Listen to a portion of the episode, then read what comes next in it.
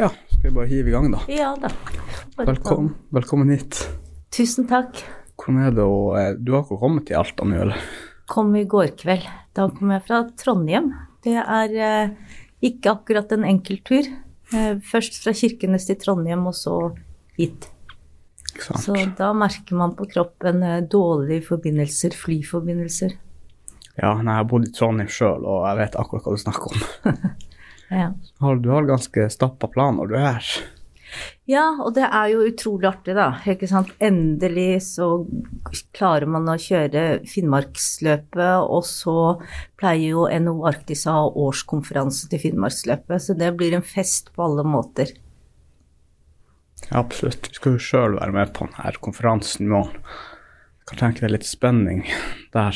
Ja, det er jo, ikke sant, vi bare sånn endelig så får vi slippe til, og folk får møtes, og vi får prate om det i alle fall jeg er veldig glad i, og det er å prate om betydninga av eh, verdiskaping og jobbskaperne.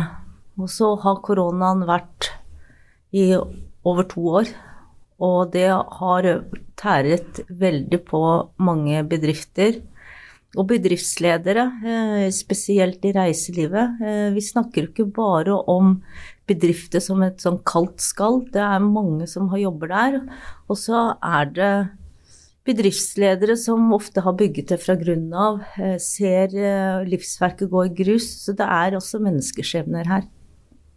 Ja, det er jo forferdelig når sånn her skjer, når man ikke kan gjøre så mye med det heller, og at man kan, kan, kan se for seg at en pandemi kommer, det er jo ingen som kan eh, liksom prepare for det. Nei, ikke sant. Og så satt i dattera mi eh, etter nesten to år med pandemi, eh, og det, det tar jo Altså, man blir jo litt påvirket, ikke bare litt, man blir påvirket eh, selv til sinns, og alltid kommer med ja, tunge nyheter om hvordan folk sliter. Og så jeg sa til dattera mi at uh, alt annet enn koronaen.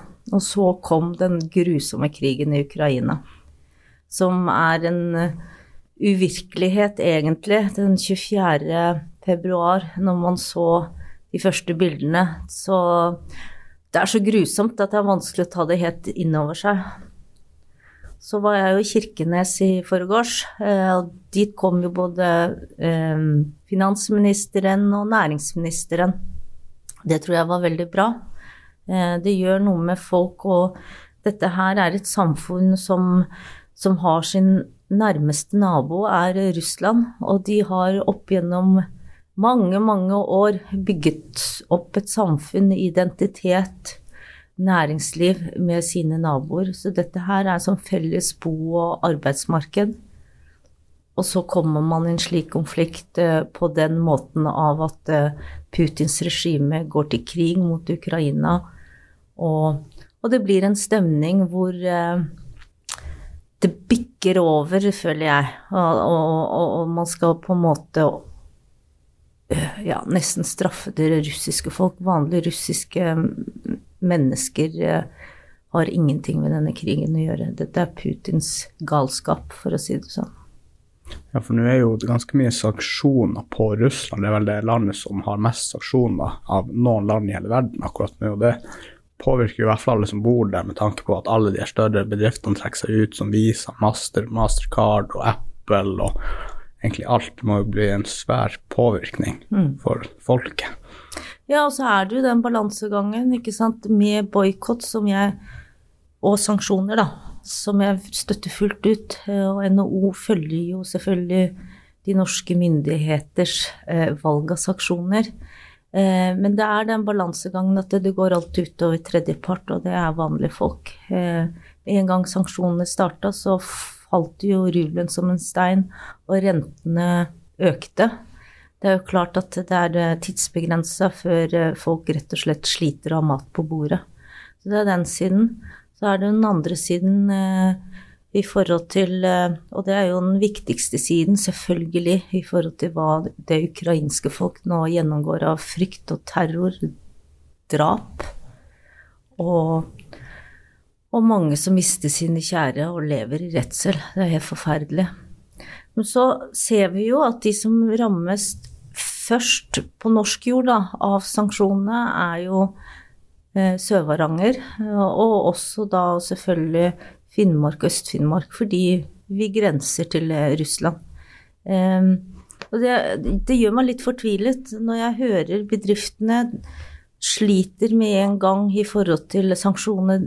Det er én side, det er en effekt som vi visste ville komme. Men når man i tillegg hører at russiske barn blir mobbet på skolen, man i mm. tillegg hører at eh, bedrifter, privatpersoner Og jeg skjønner utgangspunktet at det er ment godt, for vi sitter jo her og er hjelpeløse og vil så gjerne bidra. At de starter sanksjoner og boikotter utover myndighetenes boikott, gjør at norske bedrifter blir ekstra og unødvendig rammet. Vi hører bedrifter som nå blir boikottet av andre norske bedrifter som leverer utstyr til dem fordi nordnorske bedrifter har russiske kunder. Det hjelper verken å straffe Putin eller det ukrainske folk at man setter norske arbeidsplasser i fare. Du kan tenke meg, det er jo sånn sosialt messig så er det jo veldig mange russere i, arbeids, uh, i arbeid her i, i, Norge. Og jeg ser jo også det slenges jo veldig mye ut, ja, de her jævla russerne og alt det her. Det må jo være veldig ukomfortabelt for dem som er russisk og uh, kanskje må høre på det her og føle seg jo sikkert veldig truffet, siden at uh, det virker som at det er et stort hat nå mot liksom hele Russland og alle, alle folkene, rett og slett. Ja, det, jeg syns det er så forferdelig, fordi eh, eh, vanlige russere, mange av dem, og også de jeg har pratet med, har jo ukrainsk slekt. De har ukrainske venner. De er i like stor sorg og sjokk, og sånn som han ene jeg pratet med sa, at jeg skammer meg av å være russer. Det skal ikke være slik. Eh, han står ikke ansvarlig for eh, Putins eh, destruktive ødeleggelser Eh, eller hans galskap om å på en måte bli enda eh, større stormakt, for å si det slik.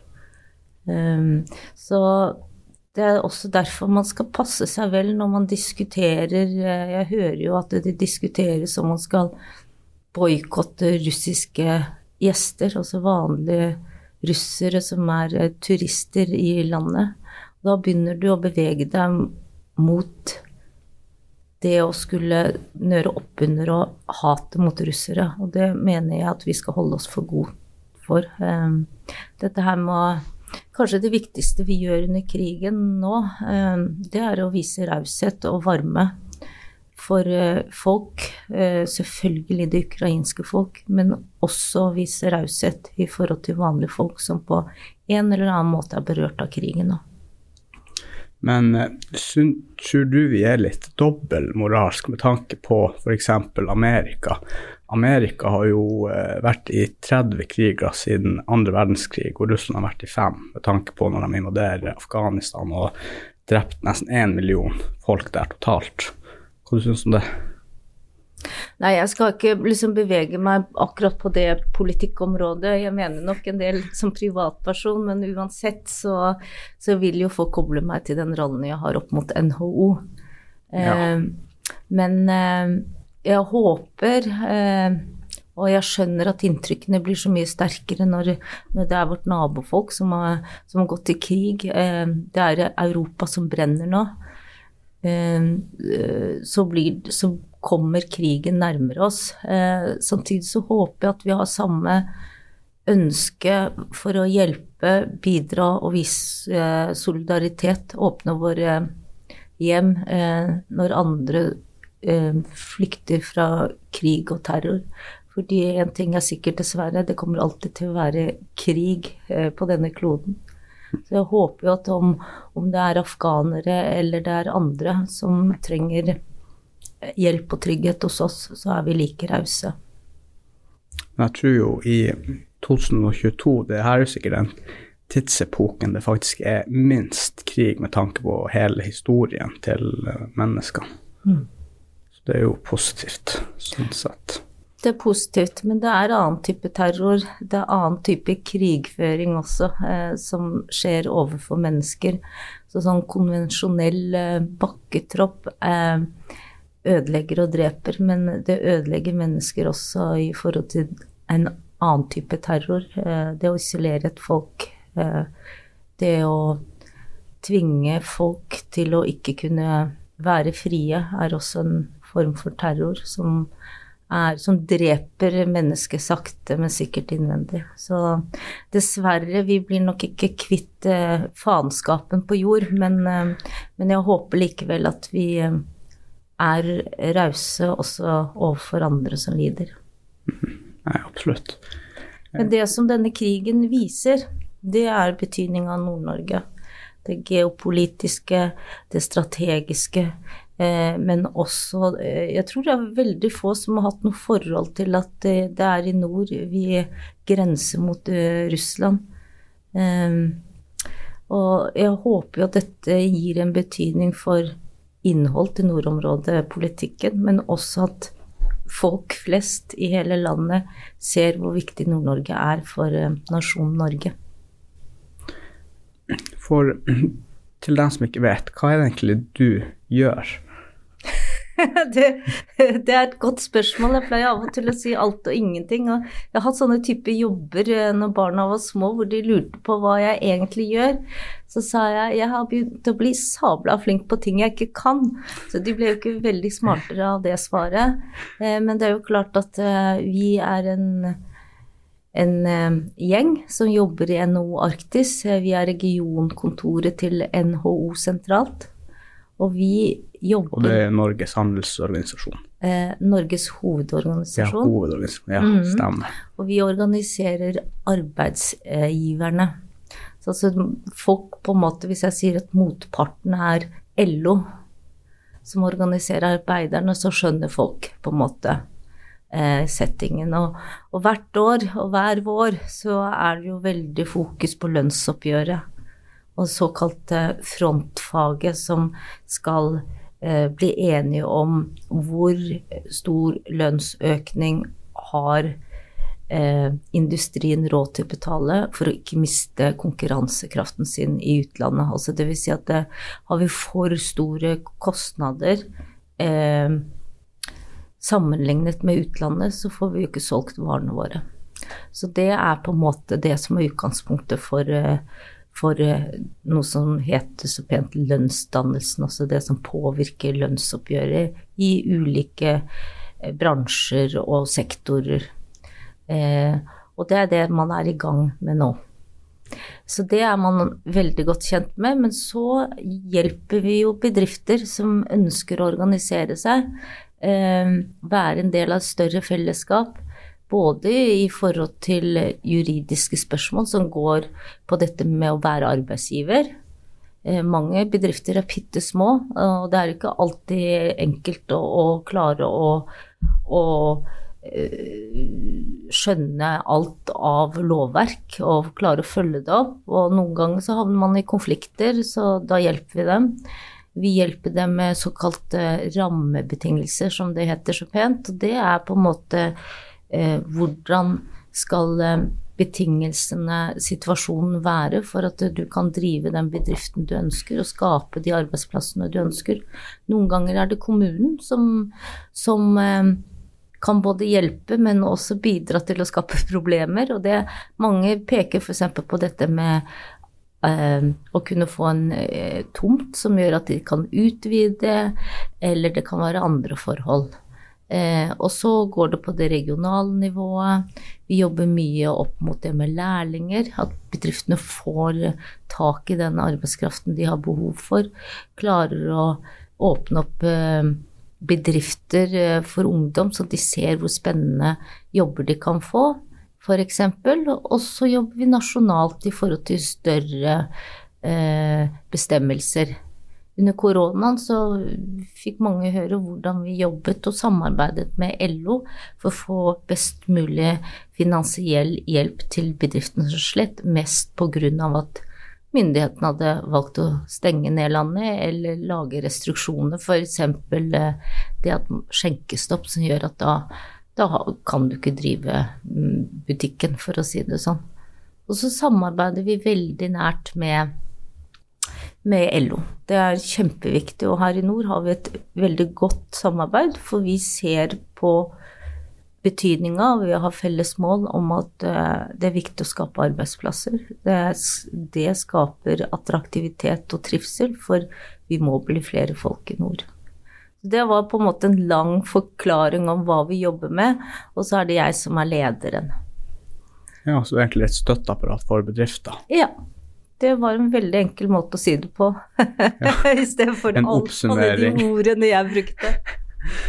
Og så er vi jo også i tillegg snakker vi med bedriftene fordi de sier hvor skoen trykker, og dermed så er vi talere for bedriftene opp mot myndighetene.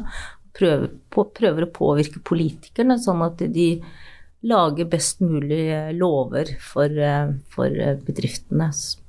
For dere er jo egentlig nærmest alle bedriftene, i hvert fall medlemsbedriftene. Mm. Hvordan Vet du hvordan situasjonen er nå med tanke på å reiselivsbedrifter? Begynner det å være Begynner man å se lys i enden av tunnelen, eller er det enda veldig eh, trangt og dårlige økonomiske situasjoner der? Reiselivet er jo veldig sånn sammensatt, eh, ikke sant. Du har alt fra noen fra de bedriftene som driver med naturopplevelser, til de som eh, eh, kun sørger for overnatting. Noen står for transport, andre jobber i utelivsbransjen, som også er en del av reiselivet. Hotellet lever jo godt av dette med konferanser og yrkesreisende. Det gjør Alta. Eh, det gjør Tromsø. De er avhengig av seminarer og konferanser også. Så derfor så ble også pandemien traff dem ulikt. Men totalt sett så var det reiselivet som blødde. Og nå har man begynt å se lys i tunnelen. Eh, man har sett at turistene har begynt å komme tilbake, spesielt i de, de større stedene som har direkte flyplass. Så Alta begynte å merke det, Tromsø. Og så kommer krigen, dessverre. Og så kommer de høye strømprisene. Og pga. krigen og gasspriser så vil jo strømmen bli enda større. Eh, eller dyrere.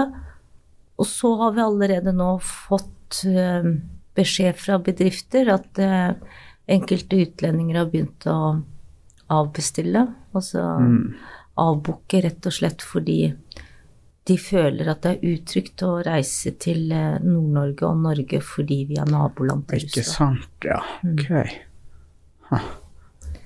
Så har vi jo ennå ikke fått opp eh, flytilbudet. Det påvirker spesielt Nord-Norge fordi tilgjengeligheten for utenlandske turister å komme til Nord-Norge blir desto vanskeligere og dyrere. Og da dropper mange Nord-Norge. Så har vi de ulike restriksjonene i luftrommet pga. krigen, som gjør at eh, SAS bl.a. allerede er kansellert eh, Tokyo-Norge. Mm. Og det vil bli flere som gjør det, fordi drivstoffprisene blir dyre. Det blir for dyrt, rett og slett, å opprettholde et tilbud. Så på veldig mange ulike faktorer som gjør at eh, eh jeg tror nok at mange kommer til fortsatt å slite, og det å gjenreise seg etter pandemien vil nok bli enda tøffere og hardere og ta lengre tid. Så må vi ikke glemme alle de små bedriftene som er rundt omkring utenfor byene. De har ikke et hjemmemarked eh, som er stort nok, og, og de eh, sliter enda mer hvordan andre typer bedrifter blir påvirka av denne Ukraina, Ukraina-krigen enn reiselivet? Nå er det reiselivet som på en måte indirekte blir påvirket, da, ikke sant. Eh, enn en så lenge, og så må jeg bare understreke at det er jo enda veldig sånn uoversiktlig hvilke effekter uh, ulike sanksjoner vil få. Sanksjonene er enda ikke satt i verk enda, uh, mm. men alle agerer som om de allerede gjelder, ikke sant. Det er det ene som gjør det litt sånn utfordrende for bedriftene. Uh, det andre er jo at det sannsynligvis vil ekskalere av sanksjoner.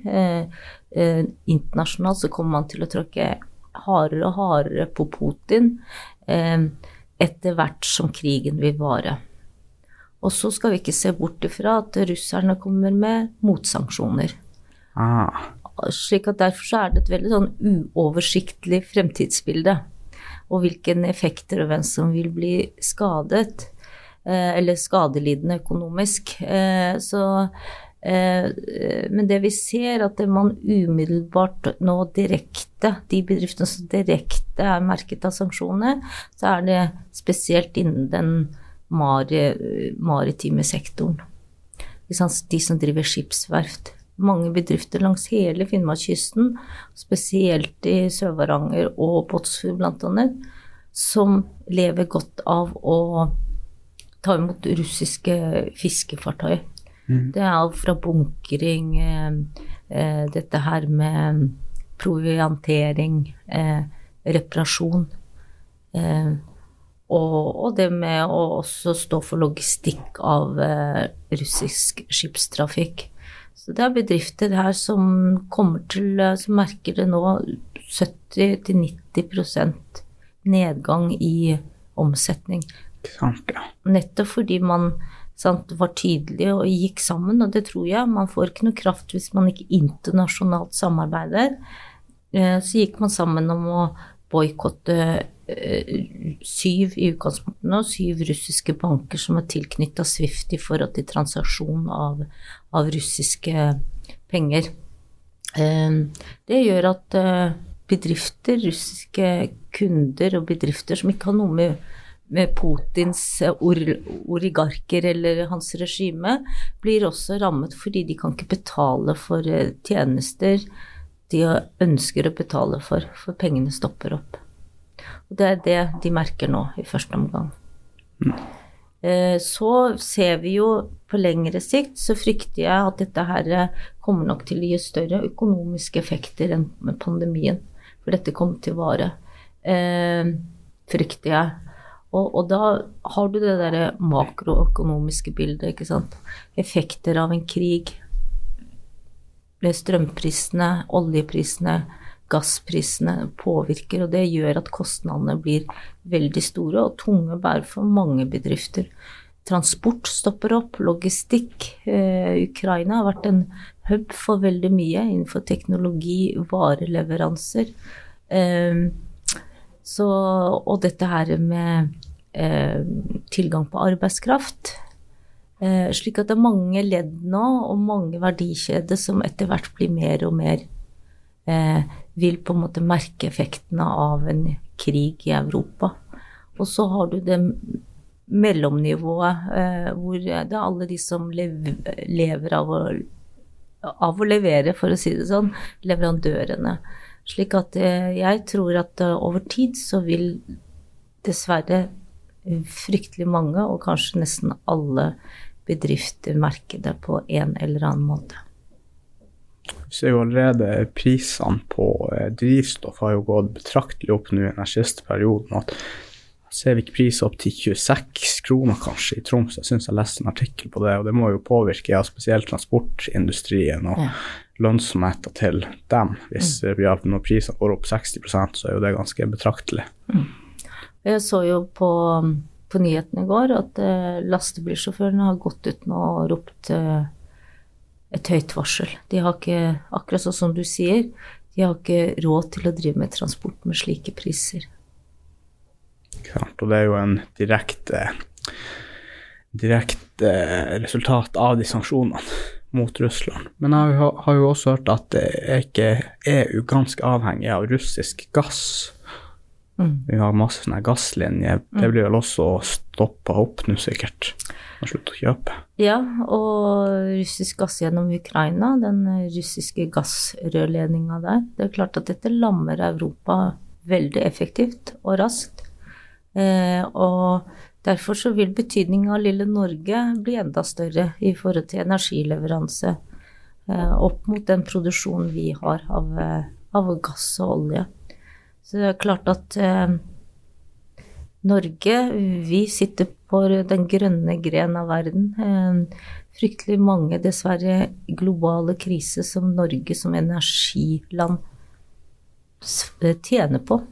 Vi blir rikere og rikere pga. krisene. Ja, for vi selger jo olje og gass. Mm. Og hvis eh, folk slutter å kjøpe fra Russland, så kjøper de heller fra oss. Mm. Men oppi elendigheten eh, så opplever jeg det Det inspirerte meg veldig, og det imponerte meg. Møtte næringslivsledere i reiselivet, snakke med andre eh, næringslivsledere hvor de ikke har merka koronaen på samme måte, og hvor det er mye spennende. Det vokser og gror i næringslivet både her i Alta og i nord. Og, og, mange har et optimistisk blikk i forhold til å se mulighetene. Og Derfor så er det viktig, den konferansen, årskonferansen NHO Arktis har nå, å fokusere på fremtidens arbeidsliv. Hva er våre fortrinn? Hva kan vi skape? Hvilke spennende arbeidsplasser har vi for ungdommen fremover? Og, men vi må omstille oss. Vi må tenke nytt, og vi må tenke både sosial, økonomisk og miljømessig bærekraft. Det gir muligheter, men det gir også noen utfordringer underveis. Men jeg tror når innstillinga slik jeg møter mange bedriftsledere har, dette her skal vi søren meg få til. Dette gir også nye, spennende arbeidsplasser. Så tror jeg også at oppi det hele, så tror jeg det er viktig å fokusere på det også. Når det kommer til skole og utdanning, er det et eh, Går det nedover med yrkesfaglig utdanning? Er det færre som melder seg på yrkesfaglig utdanning, og går det utover næringslivet her i Alta? Eller i Nord-Norge? Tradisjonelt så Eller tradisjonelt, det blir jo feil å si, men uh, i mange ja i, i, mange år så har man i spesielt i Finnmark skilt seg positivt ut hvis man eh, ser på antall ungdommer som velger yrkesfag. Det er bra. Vi har eh, alltid ligget over 50 eh, som velger det. Men samtidig så blir vi jo færre. Vi blir færre yngre. Det fødes få barn. Det flyttes for få folk til, men for mange fra. Eh, så totalt sett så blir vi veldig mange gamle, ikke sant. Eh, så det påvirker jo, samtidig som, som næringslivet utvikler seg, skaper nye arbeidsplasser eh, og har behov for flere folk. Så det er på en måte en utvikling som går motsatt vei. Ikke sant? Så det, det er utfordringa. Så, så har vi for mange utenfor arbeidslivet dessverre. Vi må jobbe enda mer med å inkludere folk. Vi har ikke råd. Altså, hvis du ser sånn samfunnsøkonomisk, så har vi ikke råd at folk havner utenfor arbeidslivet. Um, og så er det menneskeskjebner oppi det. Og i tillegg så er det for mange, og det henger jo også sammen, det er for mange fremdeles som faller utenfor, uh, altså fullfører ikke videregående opplæring. Så og så, hvis du da ser på toppen av det hele, så er man i Finnmark eh, den regionen som har lavest formalkompetanse blant den voksne delen av befolkninga. Hvorfor er det kritisk? Jo, fordi vi ser at arbeidslivet eh, og næringslivet endres hyppigere og hyppigere. Eh, kravet om omstilling eh, blir sterkere og sterkere. Teknologiutviklingen skjer raskere og raskere. Og formalkompetanse vil ha en større betydning da. Slik at disse manuelle arbeidsoppgavene, f.eks. sitte i, i, kassa i en butikk eller andre ting, blir mer og mer borte. Og det ser du allerede nå. Ikke sant? Eh, I matbutikker så er det Så kan du handle selv uten å måtte ha en, en, en som sitter i kassa. Ikke sant? Selvbetjening.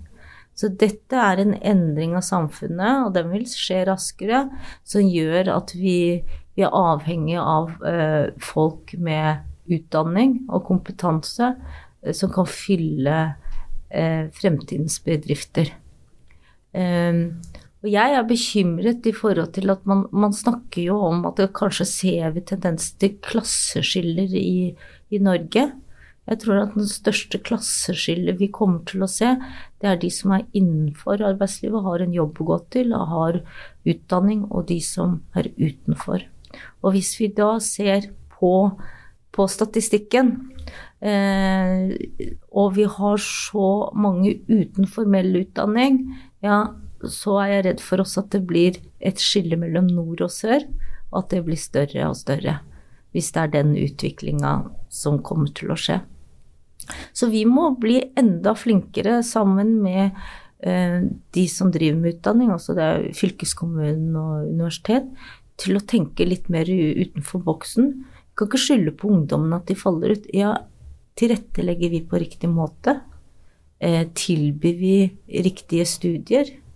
Eh, samarbeider vi godt nok for at også ungdommen ute i bedriften opplever det som meningsfylt? Og artig. Vi må tore også hele tida utfordre oss selv. Jeg syns vi har en vei å gå der. Og så er det litt sånn at eh, politikerne, føler jeg av og til, tenker mer eh, distriktspolitikk enn utdanningspolitikk i forhold til strukturer og de skoletilbudene man legger å velge eh, ulike steder. Også her i Finnmark hvor man har eh, linjer eh, som legges til en, et annet sted for å opprettholde skolen og de fylkeskommunale arbeidsplassene, istedenfor å se at hadde den, det, den klassen blitt lagt til Alta, hvor man f.eks. har et blomstrende og spennende IKT-miljø, så ville ungdommen ha søkt det. Tror du at eh, fraværsgrensa påvirker hvor mange som blir utdanna, negativt eller positivt? Nå blir det litt sånn wild guess, og det jeg regner med ja. det er statistikker og undersøkelser på det. Jeg, det må jeg innrømme jeg ikke har lest. Eh, men, eh, men jeg tror at en fraværsgrense er bra å ha. Eh, jeg vet at det, det, var mange som reagerte negativt på det. Men det første man må vise til når man skal ha en jobb, det er at du klarer å komme deg opp og komme på jobb til rett tid. Nå hørtes jeg veldig streng ut, for jeg kom litt for sent til deg i dag. Men du skal høre hva jeg sier, ikke se hva jeg gjør. Nei da. Men også det er på en måte det viktigste for en bedrift, ikke sant. Og hvis man har vent seg til å slenge litt innom nå og da, så er det en, på en måte et atferdsmønster som eventuelt har satt seg allerede fra skoletida av så er det ikke sånne folk eh, bedriftene rett og slett kan ha. Så Derfor så syns jeg fraværsgrensa er en god ting. Fordi det lærer Men er ikke det også litt hvordan bedrifter snakker om? For det er jo mange av de her eh, de store bedriftene som er veldig at ok, du kan komme litt sånn som du vil og sånt, men bare så lenge du leverer resultatet og leverer det du skal gjøre, så er det bra nok. Og det ser vi jo kanskje blir en, en mer vanlig og vanlig nå fremover, mm. men det er jo sagt hvis du jobber i en bedrift som du er avhengig av å være fysisk til stede, så skjønner jeg jo absolutt hvorfor det kan være eh, nødvendig. Men mm. Eh, hvis du jobber resultatbasert eller på provisjon, så tenker jeg det er litt, litt annerledes, i hvert fall. Akkurat det. Mm. Så liksom, hvis du er en elev som har seksere, og du greier fortsatt å ha seksere hvis du har 20% fravær, vil eh, Ja, det var det jeg tenkte, liksom. Det påvirker jo ikke resultatet i noen enkelte tilfeller. Nei, men, det, men det, det, handler om dette her å være presis og, å være Å være til stede når det kreves. Ikke sant? Og uansett hvilken arbeid du har, så vil det alltid komme en kunde da, som har en deadline. Produksjonen av vare eller tjenesten skal være levert da. Kan ikke du si ja, men eh, jeg leverer det neste uke, for i dag så følte jeg ikke for det. Og så er det jo selvfølgelig mange årsaker til at eh, enkelte elever ikke kommer tidsnok og til fast tid. Eh, men da er vi liksom helt nede i puddingen. Og det der å vise litt eh, grann fleksibilitet opp mot det, det, skjønner, det mener jo jeg også er at man bør gjøre, for å si det sånn. Det har jo også gått en diskusjon om hvor rigid dette skal være, men så lenge det ligger en god forklaring på det, om det er helsemessige årsaker eller noe som kan forklares, eh, så, så mener jeg jo at da skal man jo ta høyde for det. Ser du noe positivt i næringslivet nå med alt det her som skjer rundt omkring i verden? Er det noen positive faktorer, bortsett fra at koronaen er ganske over? Ja, altså det Selv om det er helt forferdelig å skulle eh, si at det er en eh, Altså si at grunn av krigen eh, Men det er slik jeg ser at på grunn av krigen så har det samlet verdenssamfunnet, altså nasjonene, til samarbeid. Det ble mer og mer pulverisert, og jeg fryktet at, eh, at man mistet disse store internasjonale gjensidige avtalene eh, under Trump og, og andre eh, likesinnede som fikk makta rundt omkring i Brasil og andre land, og at man ble mer og mer såkalt fragmentert.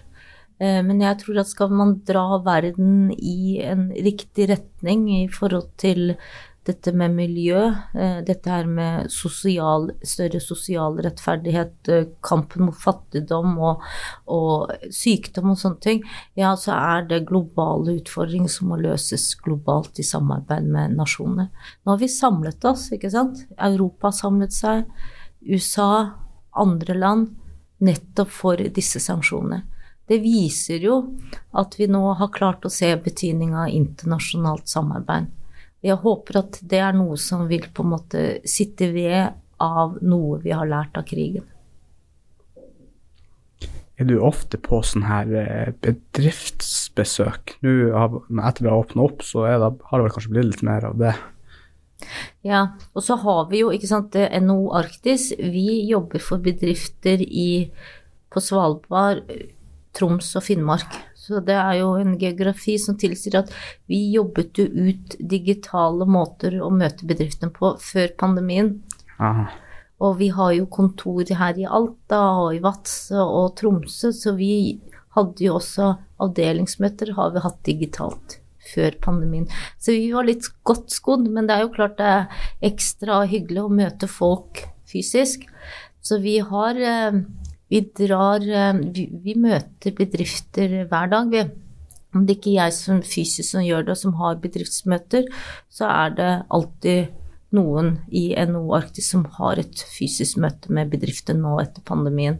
I tillegg til vi har digitale. Men jeg har jo kontakt og samtaler og, og kommunikasjon med flere bedrifter hver dag. Det er Vi er ingenting uten bedriftene, for å si det sånn.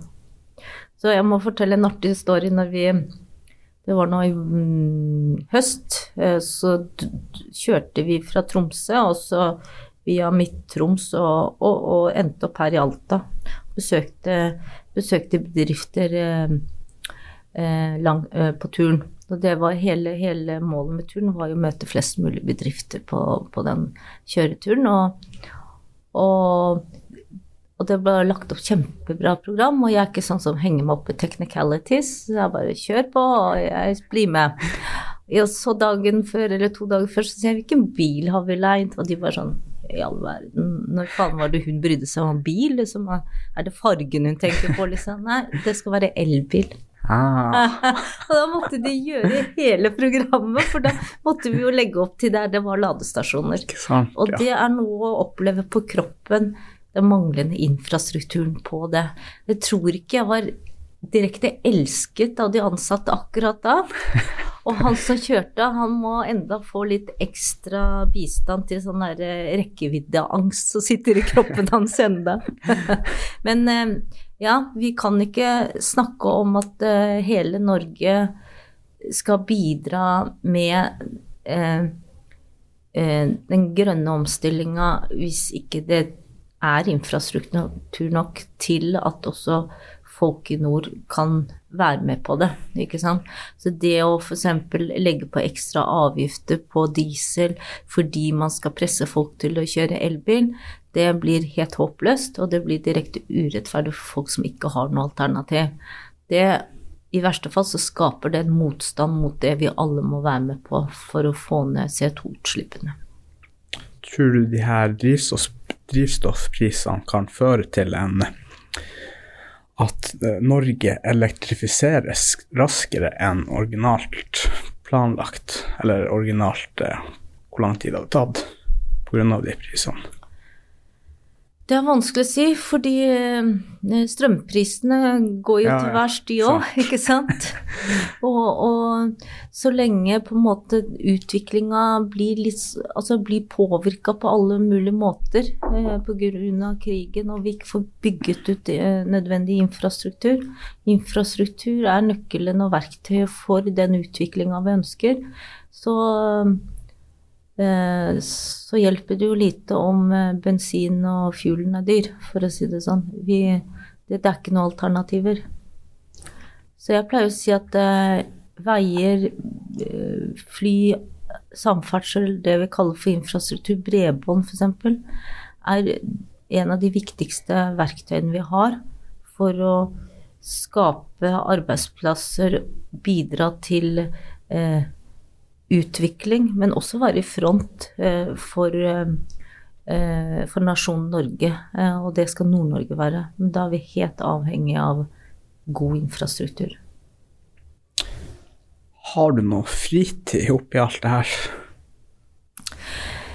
Jeg har lite fritid, men det er pga. koronaen. Og så kom krigen og så nå har det vært noen heftige år. Så barna var jo faktisk litt bekymra. Jeg snakka med dattera mi i går. Eh, for når jeg kommer hjem, og så reiser jeg jo mye. Så det har vært litt for mange helger hvor jeg bare har sovet, og så har jeg reist igjen. Så det har ikke vært mye fritid med venner. Men det kommer. Men så før pandemien, hva du likte å gjøre da på fritida? Ja, og da det er litt sånn derre jeg er jo ikke litt sånn her eh, Jeg liker jo å jobbe, jeg, vet du. Så jeg er litt nerdete der. Men det er jo klart at eh, jeg er veldig glad i å gå på konserter, kino, teater. Eh, jeg er nok litt sånn der brostenstiger. Og når jeg jogger, så jogger jeg på asfalt. Men om høsten, det, høsten syns jeg er den fineste årstida. Da jeg liker å gå ut og plukke sopp. Og jeg liker å lage mat. Så ja. Det går, det går mer på den kreative siden enn akkurat Jeg har ikke noe sånn derre Tinder Altså bestige fjelltopper og sånn. Det, det får andre ta seg av. Ja. Hvordan er det når du jogger? Lander du på tærne fremme, eller litt på frem på foten? Du, vet du, jeg, jeg, jogger jo som en gjøk, så jeg klarer fordi beina er Ja, det heter jo pent, da, men uh, Flaten på beina er skjeve den veien utover. Sånn at okay. når jeg går vanlig, så sliter jeg innsida av skoene mot leggene. Okay. Sånn, så når jeg løper der, så dunker jeg liksom beina inni hverandre, så det ser helt oh, ja. forferdelig ut når jeg løper. Men jeg løper ikke fort, så det går bra. da har du fiksa seg sjøl. ja. Nei, personlig, jeg liker å Jeg er ikke så flink at jeg er ute og jogger. Jeg kan eh, ellipsemaskin på treningssenter, da jeg føler jeg meg hjemme. Rett og slett. Men hvordan gikk det da under koronaen, med stengte treningsstudier? Jeg har jo en, eh, en sånn yogamatte hjemme, så jeg tok treninga der hjemme, da. Ja. Det gikk egentlig ganske greit, for på YouTube har du jo hundrevis av sånne videoer. Du har sånne personlige trenere som du bare følger egentlig akkurat det de gjør. Ja. Og da så brukte jeg å ta masse sånne her um, kettlebelt-øvelser, litt yoga og Ja, det var egentlig det det gikk i. Og det funka egentlig veldig bra. Hmm. Så. så du er en av de få som ikke la på deg sånn koronakilo, da? Ja, jeg greide å oppnå det ganske bra gjennom, gjennom pandemien. Mm. Så det er litt deilig å trene hjemme også, for slipper det å være så mye folk rundt. Da kan man heller ha noe i øret. Mm, mm. Sånn sett. Men det har man egentlig uansett litt å trene. Det har jo enten på en, eh, noe musikk eller en lydbok eller en podkast. Så får man noe litt mer ut av tida, rett og slett. sånn.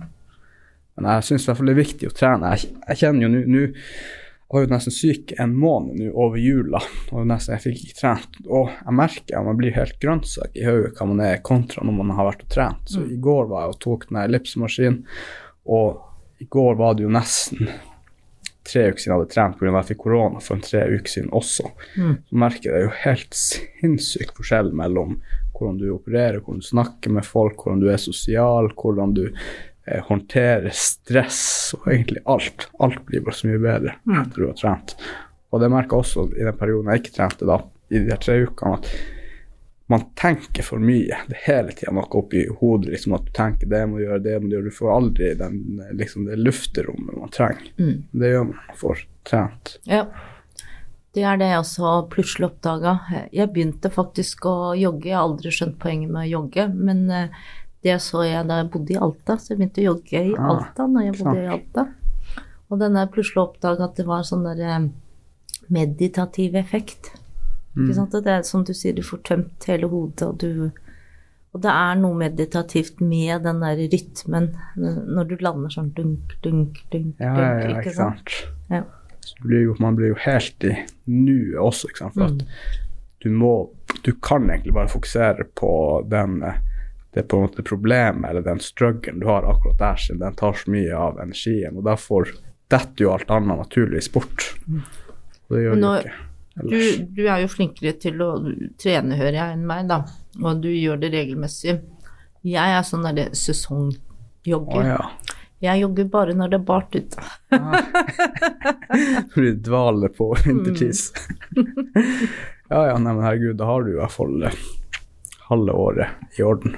Da må du jo bare dra på treningssenteret da når det er vinter.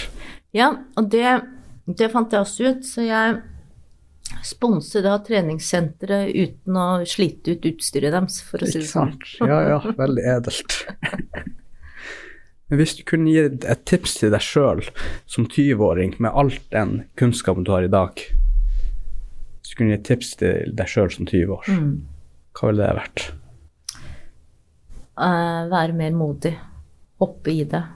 Ikke alltid tro at man må ha så gode karakterer, eller man skal liksom eh, kunne så mye. Dra til litt. Og være litt ellevill og crazy. Fordi man vet jo ikke. Man vet jo ikke hvilke muligheter som kommer fremover. Så eh, ja, ungdommer må ikke safe seg på alle ender og bauger. Og jeg syns ungdommen er litt for ordentlig. Det bekymrer meg. Så nå, nå høres jeg veldig gammel ut. Nå er jeg ikke jævlig ung heller, da, men, men likevel. Ja, de, de, de trener, de studerer eller går på skole Altså, de er så flinke. Så tenker jeg at det må jo snart tyte ut en forferdelig opprør snart. Så vær mindre alvorlig, vær modig, finn på crazy ting. Og da snakker jeg ikke om dop eller slike ting, men kreative ting som drar også samfunnet og verden videre. Det er jo en veldig bra oppfordring. Og er det noe du har lyst til å promotere? Hva som helst. Jeg vil promotere bedriftene, og da med utgangspunkt i bedriftene i nord. Ehm, Det er så mange flotte bedriftsledere som, som står på hver dag for lokalsamfunnet, for lokale arbeidsplasser, som er like avhengige av de som jobber der, som de som jobber der er av lederen. Ehm, Som virkelig har stått i det i, eh, under koronaen og nå en ny krise. Jeg håper ikke, for jeg, retorikken blir jo litt sånn eh, disse forferdelige kapitaleierne eh, fra enkelte partier som er så respektløst.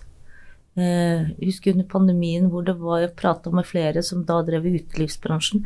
De visste ikke fra dag til dag om de hadde lønn eller en jobb å gi til folk.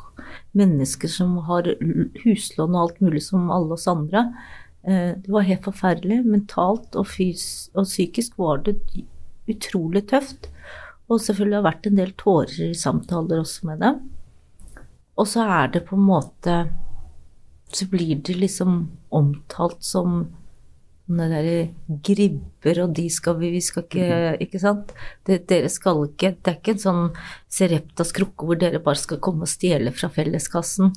Eh, og det var bra man klappet for, eh, for de som jobbet i helsevesenet. Men jaggu meg så hadde også de som sto på og, og for å prøve å sikre arbeidsplasser eh, til folk, eh, fortjent eh, litt anerkjennelse, en klapp på skuldra og, og heiarop, stå på. Så det er eh, Det er de jeg på en måte eh, virkelig beundrer, altså.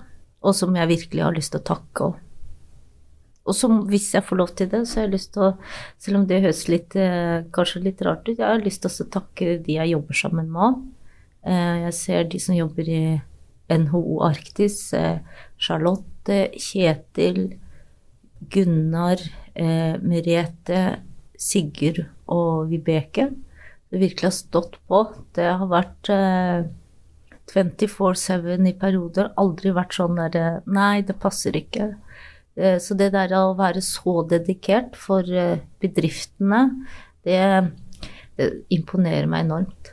Det gir jo den energien man trodde man ikke klarte å hente frem, for å si det sånn.